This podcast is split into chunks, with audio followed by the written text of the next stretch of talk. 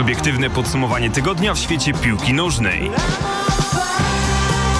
Od słonecznej Katalonii po zimne noce w Stołk. W każdą środę po 18. Dzień dobry. Właściwie to powinniśmy teraz powiedzieć, panie Michale, zgodnie z tematyką dzisiejszej audycji Good afternoon. Uuu, zaleciało tutaj czuć światowca. Good, good evening, możemy też powiedzieć, dlatego, że rozmawiać będziemy o wielkim sukcesie e, Wielkiej Brytanii, piłki brytyjskiej, e, a mówimy oczywiście o sukcesie Manchesteru City, e, ale żeby był sukces, to musi być też porażka, więc i od strony e, Interu Mediolan będziemy w dzisiejszej audycji mówili o tym, co działo się w sobotę. A w sobotę był finał oczywiście Ligi Mistrzów, więc temat audycji piłkarskiej w e, tygodniu następującym po właśnie finale Ligi Mistrzów inny być e, nie może. Przy mikrofonach Michał Płocki. Krzysztof Więż, Wojtek Zmunda nas dziś realizuje.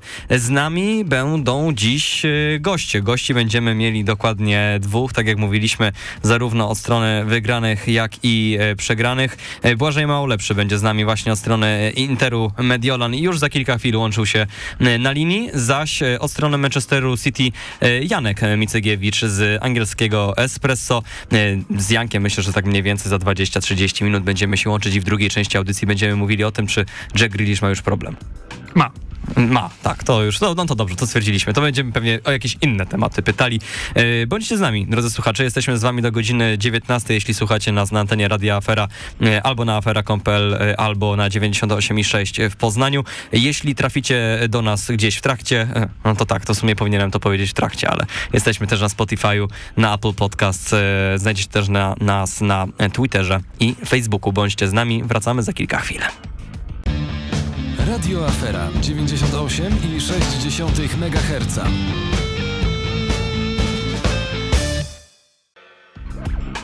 Wracamy na antenę i wracamy do pierwszej części audycji. Gramy na aferę w tygodniu po zakończeniu rozgrywek w ramach Ligi Mistrzów sezonu 2002-2023. Wracamy na antenę z naszym pierwszym gościem. Błażej Małolepszy jest y, z nami na linii. Halo Błażeju, czy się słyszymy?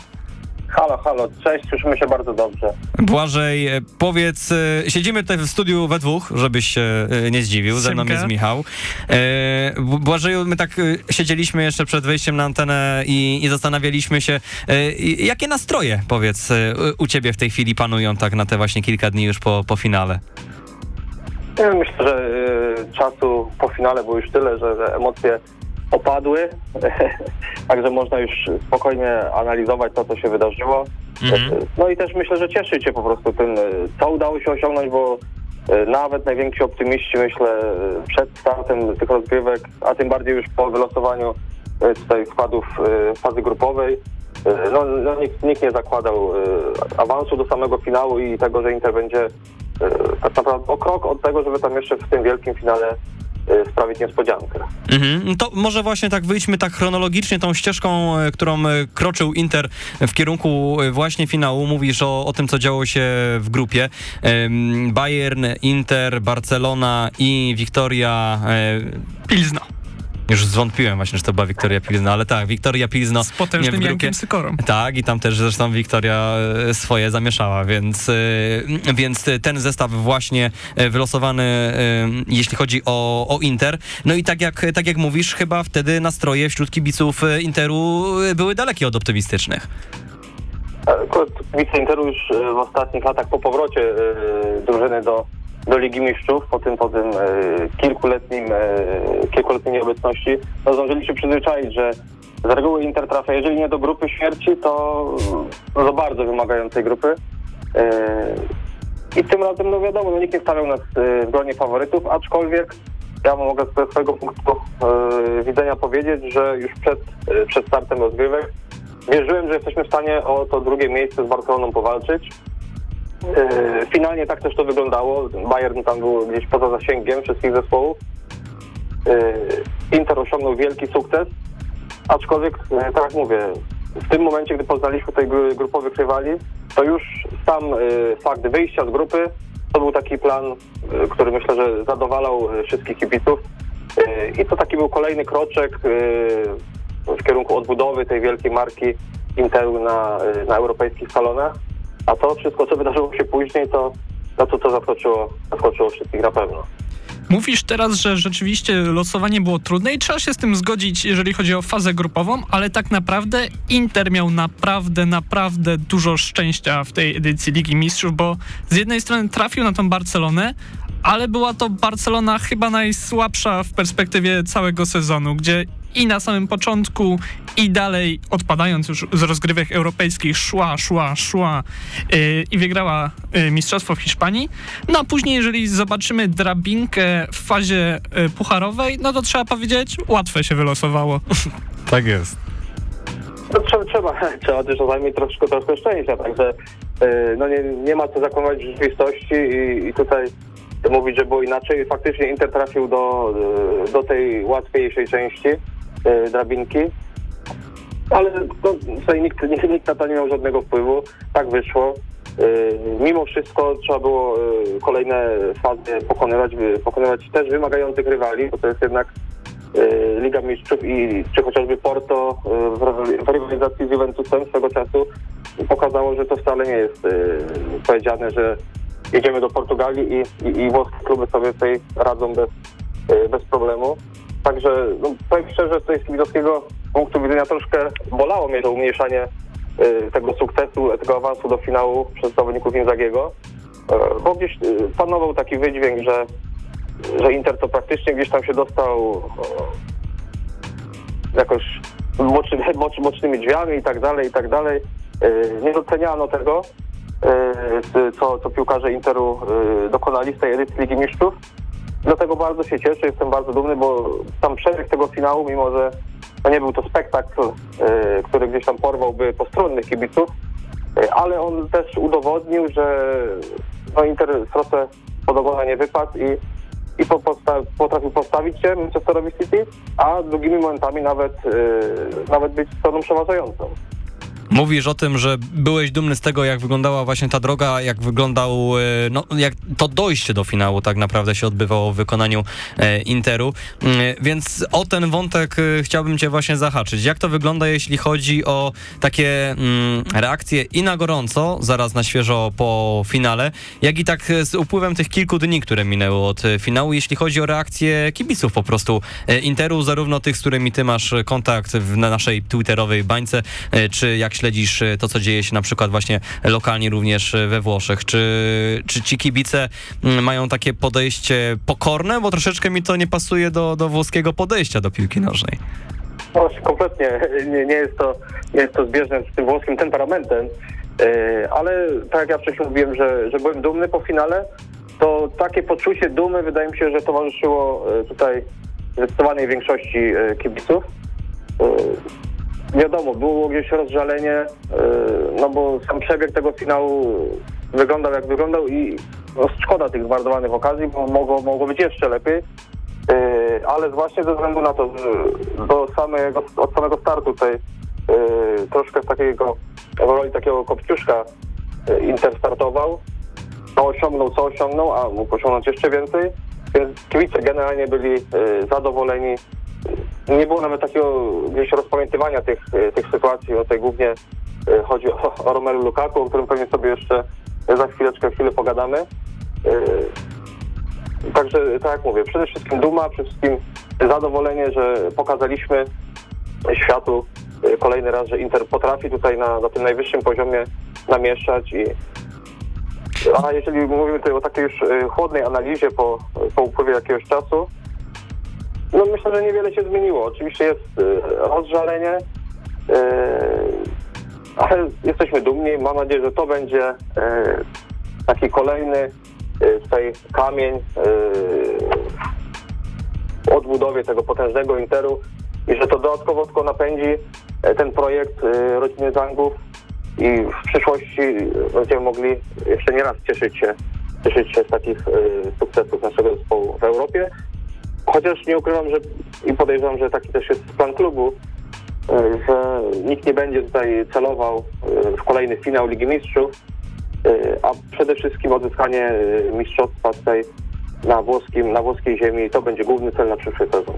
Zdecydowanie trzeba być dumnym z tego, jak Inter zagrał, bo zdecydowanie wyglądał no jak równy w równym e, w pojedynku z Manchesterem City i w takim razie jakich piłkarzy wyróżniłbyś na plus, jeżeli chodzi o kogoś, kto z jednej strony rzeczywiście można było na nim zawiesić oko w finale Ligi Mistrzów, ale też ktoś, na kim można budować dalej. Tak jak wspominałeś, walka o odzyskanie Mistrzostwa Włoch, ewentualne dalsze występy w Lidze Mistrzów. Jakie są takie dwa, trzy nazwiska, na które możemy spojrzeć w kontekście przyszłości? Tak, nawet y, do, rozszerzyłbym nie tylko jeśli chodzi o finał, a w ogóle jeśli chodzi o ten sezon rozgrywki ligowe, jak i e, te pucharowe. No tak może zaczynając od tutaj, e, od tyłu, to na pewno e, transfer Andreonany e, wniósł gdzieś tą zupełnie nową jakość e, między Słupki e, na Razurich. To przyjście Kameruńczyka wiadomo wiązało się z pewnym e, tutaj znakiem zapytania, no bo on znana historia z tą dyskwalifikacją, długo był poza grą, e, później jakieś tam pojedyncze występy, czy w reprezentacji Kamerunu, czy, e, czy jeszcze w Ajaxie, one wyglądały jak wyglądały, chociaż to zapewne miało e, związek z tą taką jeśli rdą piłkarską, no, dłu- długo chłop nie grał, e, ale nie zapomniał jak się broni. Mhm. i, i jeżeli już wywalczył sobie miejsce między słupkami, bo jak pamiętamy sezon zaczynał jednak Samir Handanowicz jako ta jedynka, to z każdym kolejnym meczem e, Onana potwierdzał, że, e, że to jest ten poziom, e, do którego on może aspirować i może być wartością dodaną zespołu. Warto tutaj, jeżeli już mówimy sobie w kontekście finału Ligi Mistrzów, no Kameruńczyk 8 spotkań z czystym kątem, najlepszy wynik tej edycji Champions League. Także no na pewno tutaj Onanę chciałbym wyróżnić za ten sezon. E, Idąc dalej i mówiąc też właśnie o w kontekście przyszłości, Alessandro Bastoni, który, który będzie przyszłością, mam nadzieję, e, nie tylko Interu, ale i reprezentacji Włoch. Mhm. Zakusy na, zakusy na defensora ma zapewne wiele klubów europejskich. Dużo mówiło się chociażby o tym, że Pep Guardiola chętnie widział go w swoim zespole w City. Mam nadzieję, że Marotta będzie potrafił przekonać go do pozostania. Już mówi się o tym, że niebawem Włoch powinien e, złożyć podpis pod nową umową z Interem. Więc na pewno Bastoni. E, Na pewno y, Federico Di Marco również jest taką postacią gdzieś fundamentalną tego sezonu. Również ze względu na to, że, y, że to wychowanek, y, który nigdy y, nie ukrywał y, swojego przywiązania do, do barw. Ta jego droga do pierwszego zespołu Interu była bardzo długa, bardzo wyboista. W pewnym momencie wydawało się już, że no, powrót y, do Mediolanu jest praktycznie w jego wypadku wykluczony, a jednak y, udało się, chociaż również on był bardziej rozpatrywany w kontekście tego sezonu jako zmiennik dla Robina Gosensa. Y, Rzeczywistość zweryfikowała, y, Di Marco wywalczył sobie podstawowy skład i liczby, które notował, no to na pewno stawiają go wśród jednych z lepszych wahadłowych y, minionych rozgrywek. Mhm. Mamy trzy nazwiska pozytywne. Chyba, że jeszcze jakieś chciałbyś, e, chciałbyś Bożeju dodać?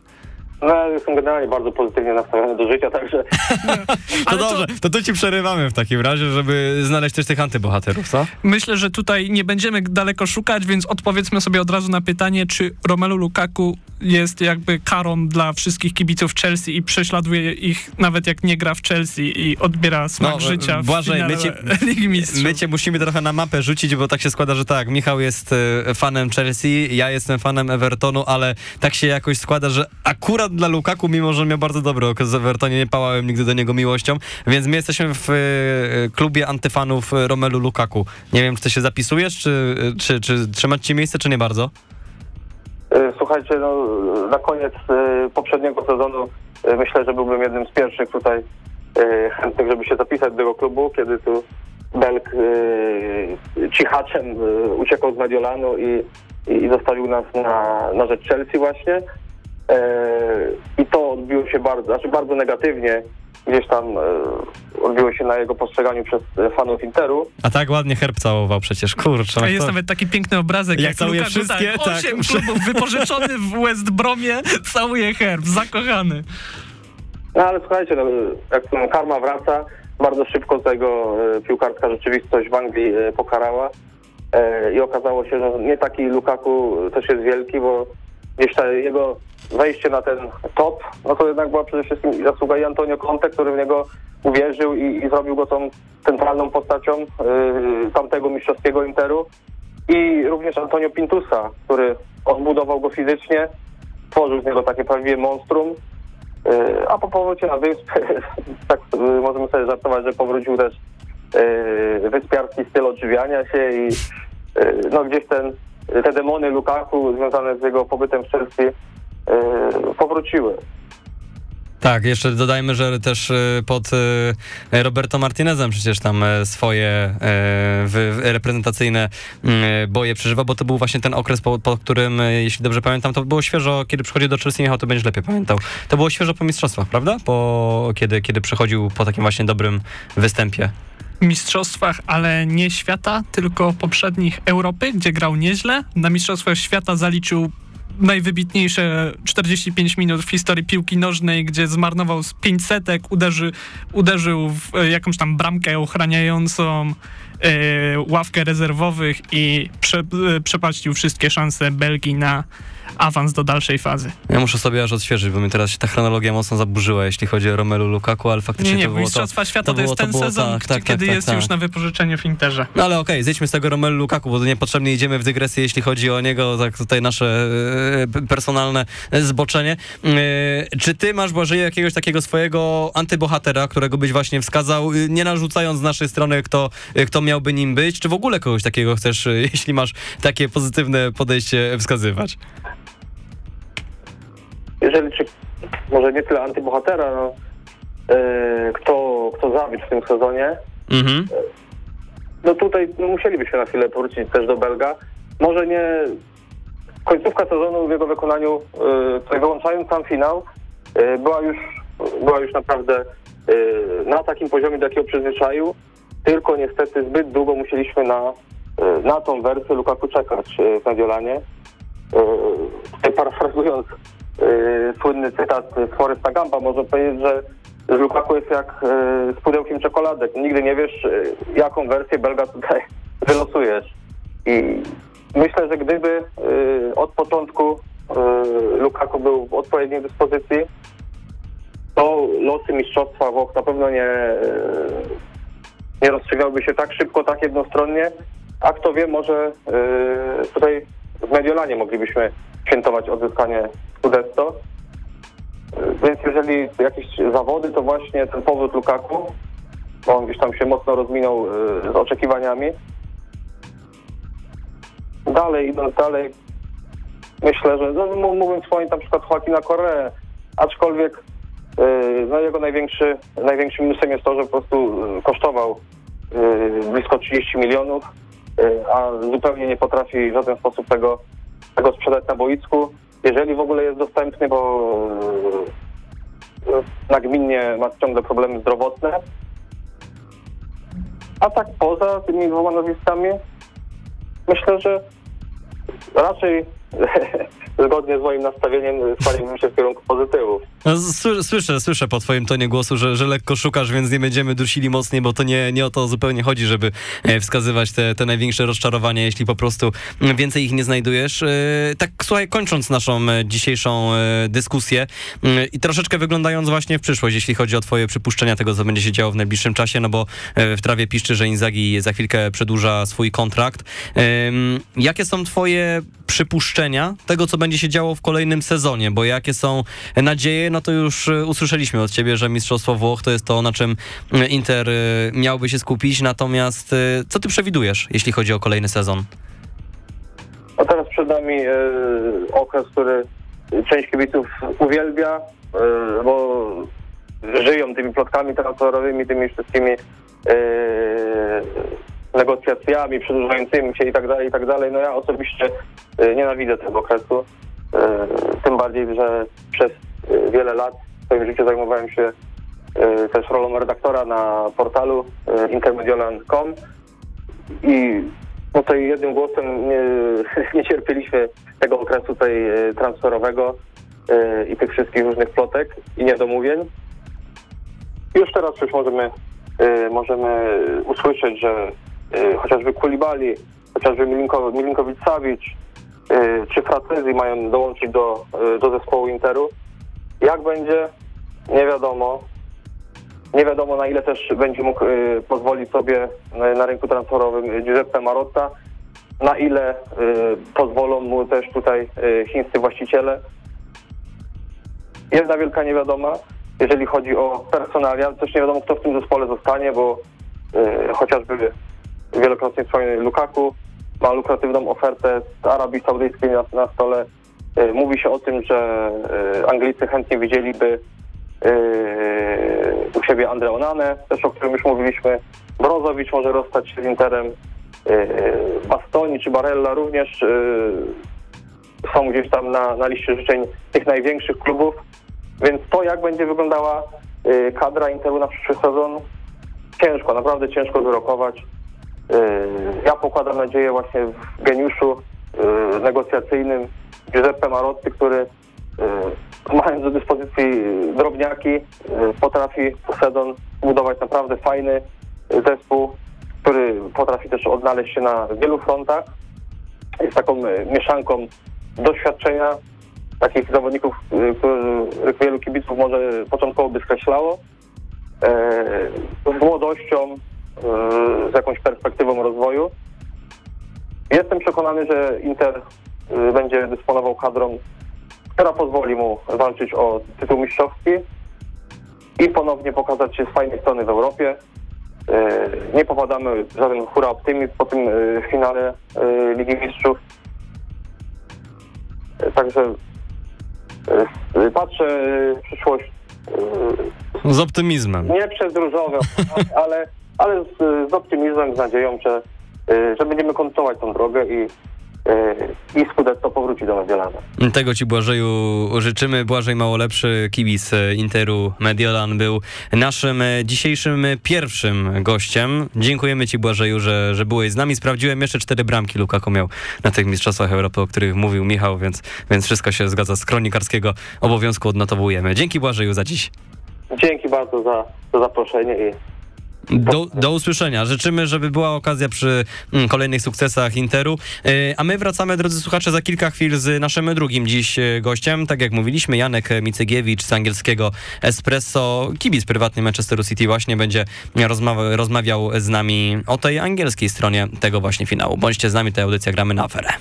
Radio Afera 98,6 MHz.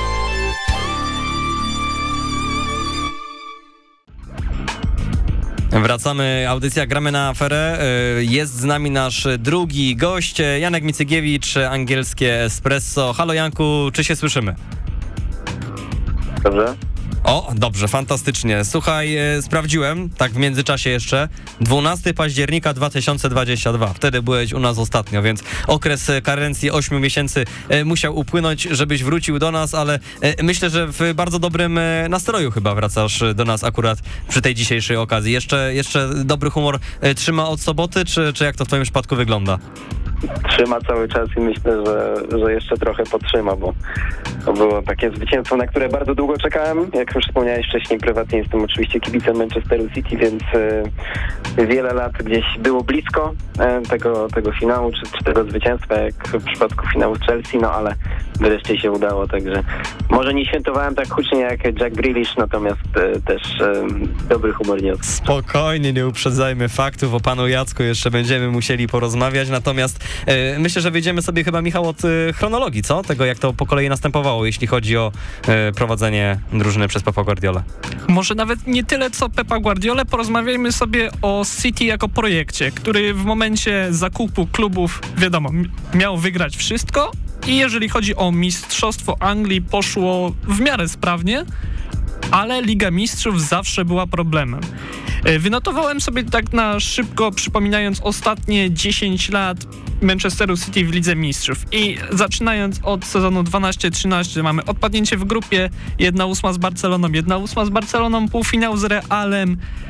Tutaj przychodzi Guardiola i Sezon 16-17, przypomnijmy. i jedna ósma z Monaco, jedna czwarta z Liverpoolem, jedna czwarta z Tottenhamem, jedna czwarta z Lyonem i potem mamy przełom w 2021 i mamy przegrany finał z Chelsea, przegrany bardzo, bardzo ledwo półfinał z Realem, no i aktualną wygraną z Interem. Także była to naprawdę długa przygoda, gdzie Manchester City często odpadał w miarę wczesnych fazach. Za Guardioli mówiło się często o przekombinowaniu.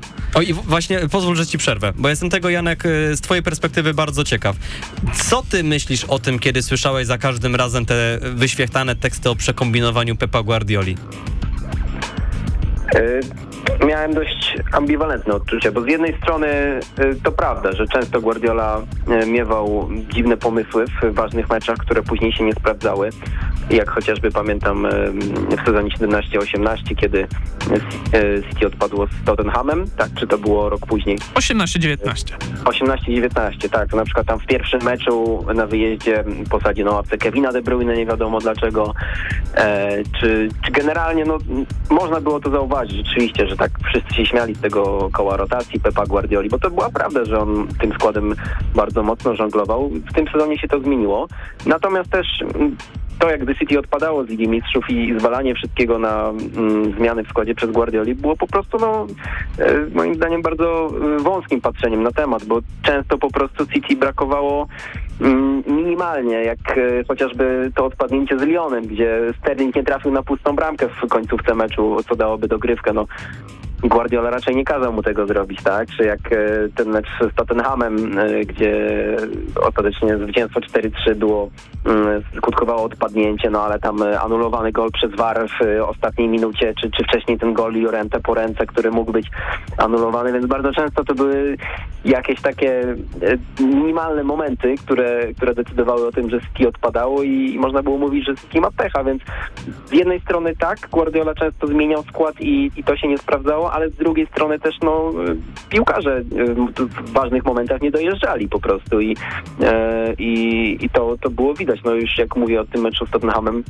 sezonu 18-19, no tam na przykład Aymeric Laporte w pierwszych 15 minutach dwa razy podał piłkę Sonowi, który po prostu wpakował ją do siatki. No raczej to nie był plan Guardioli na mecz, tak? Tylko, tylko indywidualne błędy często decydowały o tym, że, że tak to się kończyło.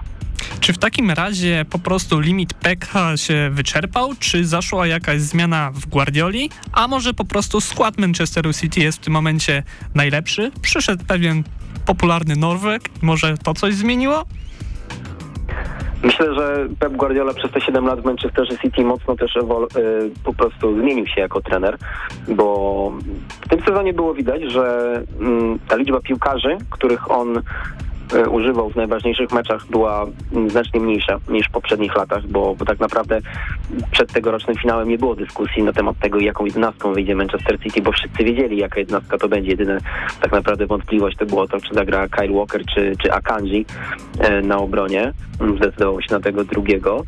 Mm, więc myślę też, że, że styl, w jakim City wygrało ten finał, E, czyli to nie był mecz porywający, to nie był mecz taki jak ten rewanżowy z Realem, gdzie od pierwszej sekundy rzucili się na przeciwnika, e, tylko e, na spokojnie, e, w wyważony sposób City podeszło do tego meczu i, i konsekwentnie jakby realizowało swój plan, e, ale bez właśnie bez takiego hura optymizmu, jak, jak to często miało miejsce w ostatnich latach, pokazuje też, że że Guardiola jakby zrozumiał może, że w tych najważniejszych meczach nie chodzi o to, żeby grać e, pięknie, tylko chodzi o to po prostu, żeby finał wygrać, więc, więc myślę też, że że w tym sezonie było widać, że Pep Guardiola zmienił się jako trener, aczkolwiek też po prostu e, no, myślę, że to nie będzie y, kontrowersja, jak powiem, że, że to była najlepsza wersja Manchesteru City za Pepa Guardioli, że, e, że teraz wszystko już wyszło tak, jak miało wyjść. Ten jego pomysł taktyczny, to ustawienie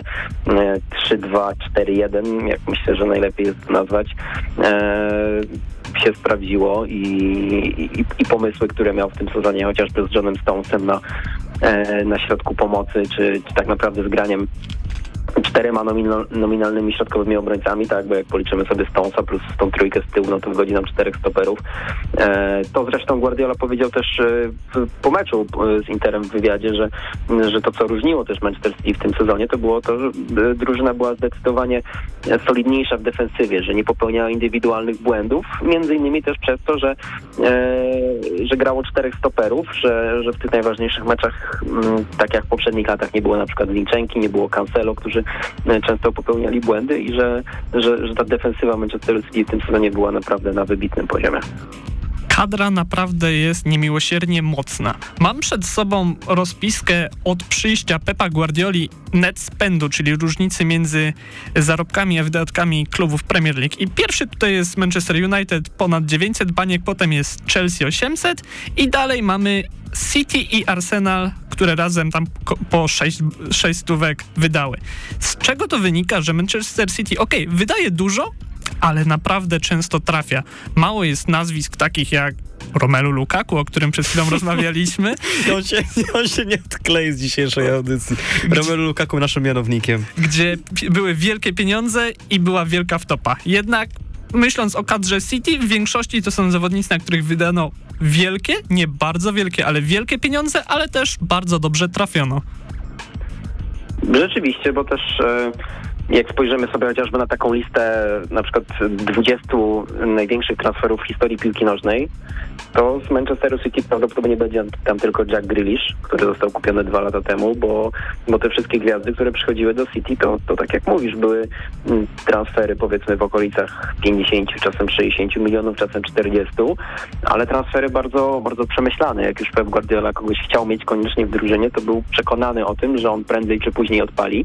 Często nie działo się to od początku, zauważcie, bo myślę, że jakbyśmy rozmawiali rok temu, e, to o Jacku Grealishu zdecydowana większość e, mówiłaby, no dobry piłkarz, ale 100 milionów, trochę przesada, prawda? Tak było z, również z wieloma innymi piłkarzami mhm. E, Manchesteru City, którzy dopiero po czasie potrafili się dostosować do tego e, stylu gry Guardioli, zrozumieli do końca o co mu chodzi. Sam Grealish zresztą ostatnio mówił, że przed pierwszy rok, jak Guardiola coś do niego mówił, to Grealish za bardzo nie rozumiał o co chodzi, że, że miał trochę problemy z tym, żeby pojąć do końca, jaką wizję ma trener, a teraz w 100% rozumie to wszystko doskonale. No to też jakby po drugiej stronie miedzy, jeśli chodzi o walkę mistrzowską, troszeczkę było widać, bo podobnie się mówiło o transferach Ramsdale'a czy Bena White'a chociażby do Arsenalu, że to też byli piłkarze bardzo mocno e, przepłaceni. Sam byłem w chórze osób, e, które mówiło dokładnie coś takiego. Akurat o Jacku Grealishu nie, więc tutaj się mogę napiąć, ale, e, ale w przypadku mm, Brytyjczyków dwóch już, e, już tak, wszyscy są Brytyjczycy. Tych Brytyjczyków, którzy trafili do,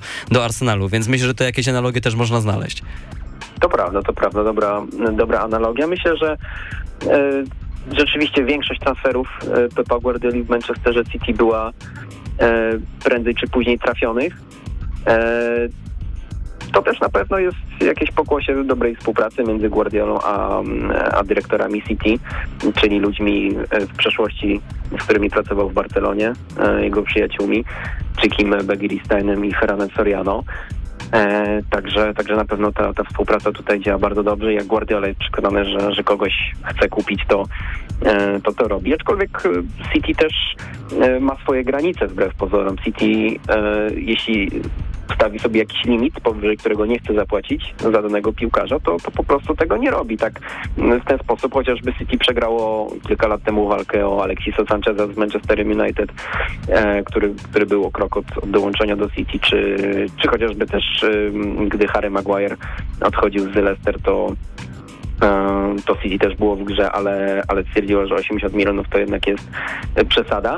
Jeśli chodzi o, o te transfery City sprzed roku, to dla mnie absolutnym majstersztykiem jest e, zakup e, Akandziego, który przyszedł za bardzo mało pieniądze no, w, w, skali, e, w skali klubu, który walczył o mistrzostwo w Premier League, bo to było myślę, że około 15-17 milionów, a wpasował się tak fenomenalnie w ten zespół, że absolutnie się tego nie spodziewałem i też jak czytało się opinie kibiców Borussii Dortmund, gdy ten transfer się finalizował, no to wszyscy mówili, no w miarę dobry piłkarz, ale ostatnio miał słaby czas, dużo błędów popełniał, jednak nie był wyróżniającą się tak e, absolutnie postacią w Dortmundzie, a proszę bardzo, on w tym sezonie był e, zawodnikiem, który w pewnym momencie praktycznie nie wypadał z podstawowej jednostki, grał wszystko od deski do deski, zawodnik, którego Guardiola sobie nagle wymyślił, a który absolutnie nie był e, takim oczywistym wyborem.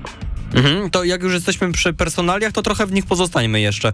Yy, czy właśnie ty poza Manuelem Akanjim jako takim, nazwijmy to odkryciem Pepa Guardioli, chociaż no myślę, że to jest trochę nadużycie, no bo jednak w Borussii, mimo że faktycznie, tak jak mówisz, ta końcówka nie była najlepsza, tak, no był zawodnikiem, który dawał symptomy tego, że coś w te kopanie kuli będzie potrafił. Yy, tak czy, no właśnie, ty byś wskazał jakieś nazwiska, które w tym sezonie zaskoczyły cię szczególnie na plus, albo nawet niekoniecznie zaskoczyły, tylko po prostu doceniasz ich wkład właśnie raz w tytuł, e, dwa w zdobycie Ligi Mistrzów? Pierwsze nazwisko, które mi przychodzi do głowy, to jest na pewno Ruben Diaz, bo to jest człowiek, który jeśli gra, to układa sobie całą defensywę Manchesteru City i, yy, i to też było widać w tym sezonie, kiedy City w, w styczniu i na początku lutego miało taki słabszy okres, kiedy ta strata do Arsenalu była dość duża e, w lidze i kiedy też no źle się zaczęło dziać w drużynie, tam między innymi porażka z Tottenhamem była na wyjeździe, e, to to w momencie, gdy wrócił Ruben Diaz, wszystko nagle zaczęło się dobrze układać w defensywie Manchesteru City. Myślę, że to jest taki człowiek, który na pewno za jakiś czas zostanie kapitanem obywateli i który na boisku emanuje takim, taką pasją, zaangażowaniem i, i po prostu jest takim generałem z prawdziwego zdarzenia. Tak jak e, kilka lat temu, gdy Liverpool wygrywał Ligę Mistrzów, to wszyscy za, zachwycali się Virgilem van Dijkiem. Mhm. Tak, e, myślę, że teraz Ruben Dias ma równie duży, e, powiedziałbym nawet, że większy wkład w grę Manchesteru City. Tutaj no, można mi zarzucić, że jestem jednak e, no, subiektywny, bo, bo kibicuję City, aczkolwiek e, myślę, że trochę za mało mówi się o Diaszu. E, dla mnie to jest postać numer jeden absolutnie tej defensywy. E, na pewno Rodri też, który strzelił gola w finale, ale ogólnie on, jak już strzela gole w Manchesterze City, to są gole raz, że bardzo ważne, a dwa, że bardzo ładne, bo nie przypominam sobie jakiegoś e, takiego zwykłego, brzydkiego trafienia Rodriego. E, no i w tym sezonie był, był też postacią absolutnie fundamentalną dla, dla tego, jak ta drużyna funkcjonowała. Takim, no jest takim sercem Manchesteru City Rodri. Obok niego też John Stones, który kapitalnie odnalazł się w tej roli. E, to, że John Stones grał w środku pomocy, to jest coś, co Guardiola wymyślił sobie już kilka lat temu i, i były kilkukrotnie podchody pod to, żeby Stonesa ustawiać e, w środku pola.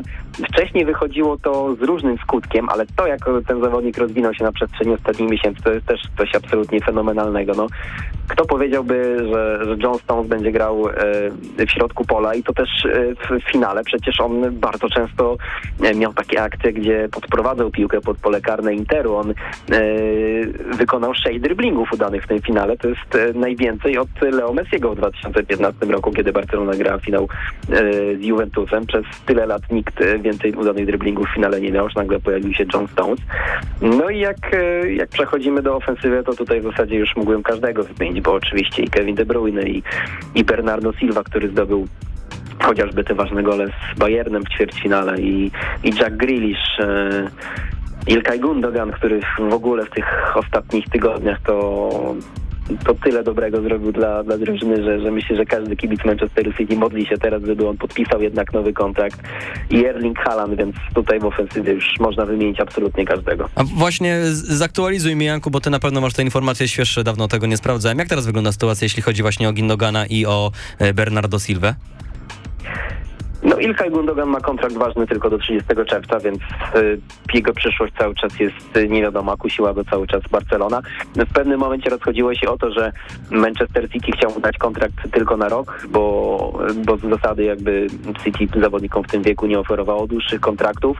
Barcelona dawała mu kontrakt na dwa lata, on stwierdził, że, że poczeka do końca sezonu z decyzją, więc cały czas nie wiadomo, e, gdzie będzie grał w przyszłym sezonie Ilkay Gundogan, aczkolwiek myślę, że po tym, co zrobił w końcówce sezonu, po tych golach w finale Pucharu Anglii, też wiele meczów w Premier League, które wygrał dla City, to, to powinni mu dać ten, ten kontrakt taki, jak sobie życzy, żeby, żeby tylko został na Etihad Stadium, a Bernardo Silva to jest, mam wrażenie, że saga, która powtarza się co roku, e, czyli Bernardo wygrywa kolejne trofea z Manchesterem City, ale z drugiej strony e, chciałby przeprowadzić się do, do ciepłych krajów, chciałby przeprowadzić się gdzieś, gdzie nie pada deszcz przez ponad 200 dni w roku e, i korzystać z lepszej pogody, więc e, szczerze mówiąc, wydaje mi się, że to się znowu skończy tak, że, że zostanie na Etihad Stadium, ale, ale kto wie, może, może w końcu mm, będzie chciał odejść.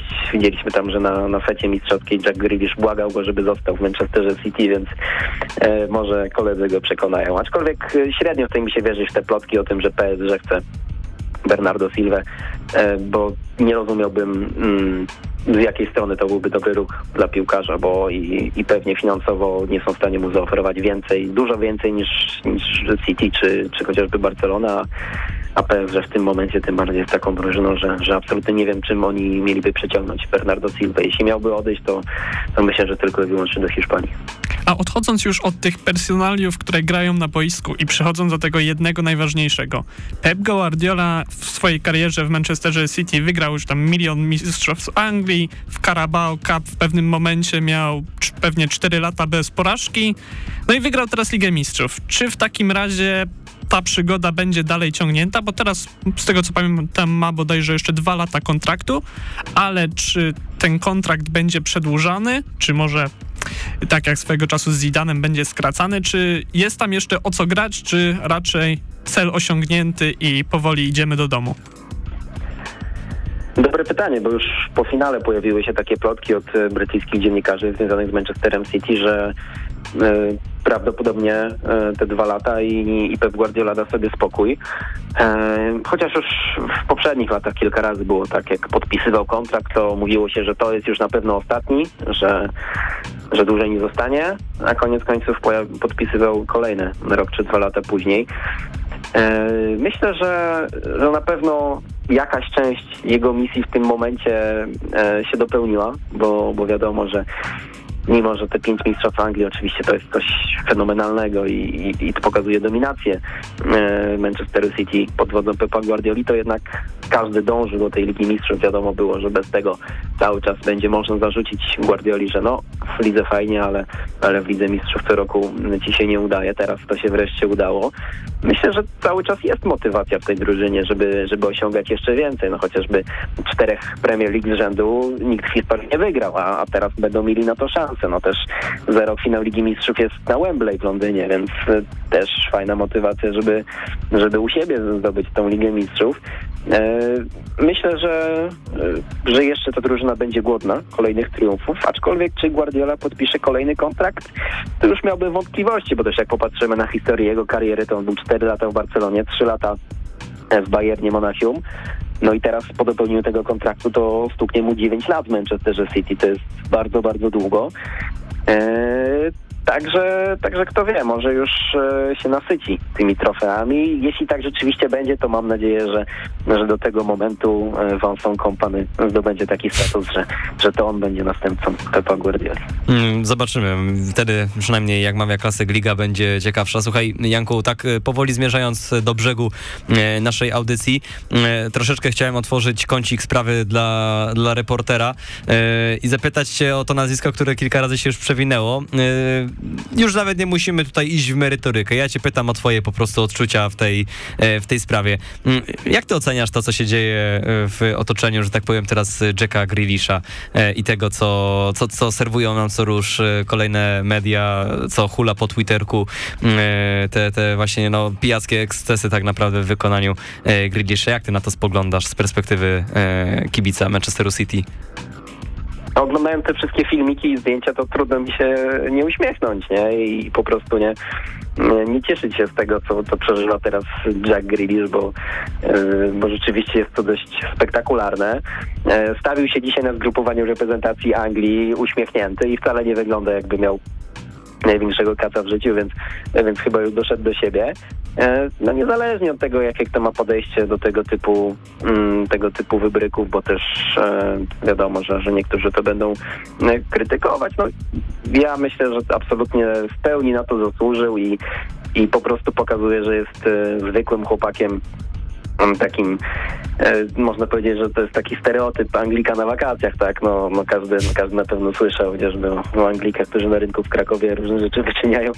Także myślę, że Jack Grealish idealnie się ten stereotyp pisuje, no i jak, jak wygrał potrójną koronę, to absolutnie nie miał zamiaru się hamować i, e, i nie zważa na to, że, że później ktoś będzie go krytykował, bo myślę, że wielu piłkarzy tutaj e, bałoby się, jakby co będzie o nich opinia publiczna sądzić, a, a Grealish po prostu korzysta z życia i, i jak sam przyznał przez, e, na, na paradzie mistrzowskiej powiedział, że przez ostatnie 24 godziny po prostu e, to był, to był najlepszy czas e, w jego życiu i w ogóle nie spał, więc no tylko, tylko pozazdrościć takiej, takiej radości i takiego luzu. No tak właśnie chciałem cię podpytać, e, troszeczkę wrzucić na minę, bo widzisz, ja e, mam zupełnie odwrotną jakby opinię do tego, do tego co ty mówisz, jeśli chodzi o te, o te wybryki Grealisha, bo też miałem taki pierwszy odruch, no fajnie się chłopak bawi, ale jednak mam takie bardzo mocne przeczucie podskórne. Michał mi właśnie podsunął e, całą rozpiskę tego, jak wyglądały te ekscesy Grealisha wcześniej, już może nie będę przytaczał tych historii jeszcze z czasów Aston Villa, kiedy był czy to łapany pod wpływem, czy tam były też te wojaże na zagranicznych wakacjach na Teneryfie, gdzie był zbierany e, z asfaltu, żeby, żeby móc w ogóle chodzić. E, Boję się troszeczkę, że ta historia z Grealisha może się skończyć jak te historie piłka, e, tfu, piłkarzy, koszykarzy w NBA, którzy po karierze po prostu odpływają, e, majątek szybko się rozchodzi i, e, i zostaje tylko problem właśnie natury, czy to alkoholowej, czy jakiejkolwiek innej. Miejmy nadzieję, że nie, że jestem tylko panem Marudą, ale tak e, byłem ciekaw zwyczajnie twojej właśnie opinii na ten temat. Zupełnie się nie dziwię, pewnie gdybym był kibicem Manchesteru City, też bym patrzył na to dużo bardziej e, łaskawym, łaskawym okiem. E, Janku, w zasadzie 18.53 na naszych aferowych zegarkach, więc my musimy mm, kończyć naszą dzisiejszą e, audycję. E, Natomiast dziękujemy Ci bardzo, że, że byłeś e, z nami i mamy nadzieję, że do usłyszenia za, za jakiś czas, być może nawet w studiu, chociaż ja widziałem, że Ty rezydujesz chyba teraz w mm, mieście e, Warszawa. Tak, to prawda, to prawda. No to będzie pewnie troszeczkę Zawałane na. Wrocław. Także z, z obu miast trochę kilka godzin jest do Poznania, aczkolwiek kto wie. No słuchaj, Jak będzie okazja, to, to bardzo. Garza w audycji Gramy na aferę jest naprawdę nie, taka do pozazdroszczenia, więc, więc myślę, że spokojnie jesteśmy w stanie cię tutaj ściągnąć. E, e, Krzysztof Więcz i Michał Płocki dzisiaj e, audycję dla was e, prowadzili. E, Wojtek Zmuda był naszym dzisiejszym realizatorem. Janku, tobie jeszcze raz dziękujemy i do usłyszenia. Dziękuję również bardzo i do usłyszenia. A wam, e, drodzy słuchacze, również dziękujemy za dzisiejszą audycję. E, Co za tydzień, tego jeszcze nie wiemy. Wszyscy w szoku. Wszyscy w szoku, tak, ale wymyślimy i za tydzień na pewno też e, audycja będzie kilka ciekawych pomysłów na gości, nie tylko z Poznania w zasadzie e, mamy, więc e, mamy nadzieję, że słyszymy się również za tydzień. Cała ta audycja, jeśli trafiliście do nas gdzieś w trakcie do odsłuchania już za kilka chwil na Apple Podcast i na Spotify, w zasadzie nie za kilka chwil, czwarty, czwartek o 7.30 zawsze ta publikacja następuje. Dzięki za dziś i do usłyszenia. Subiektywne podsumowanie tygodnia w świecie piłki nożnej. Od słonecznej Katalonii po zimne noce w Stołk. W każdą środę po 18:00.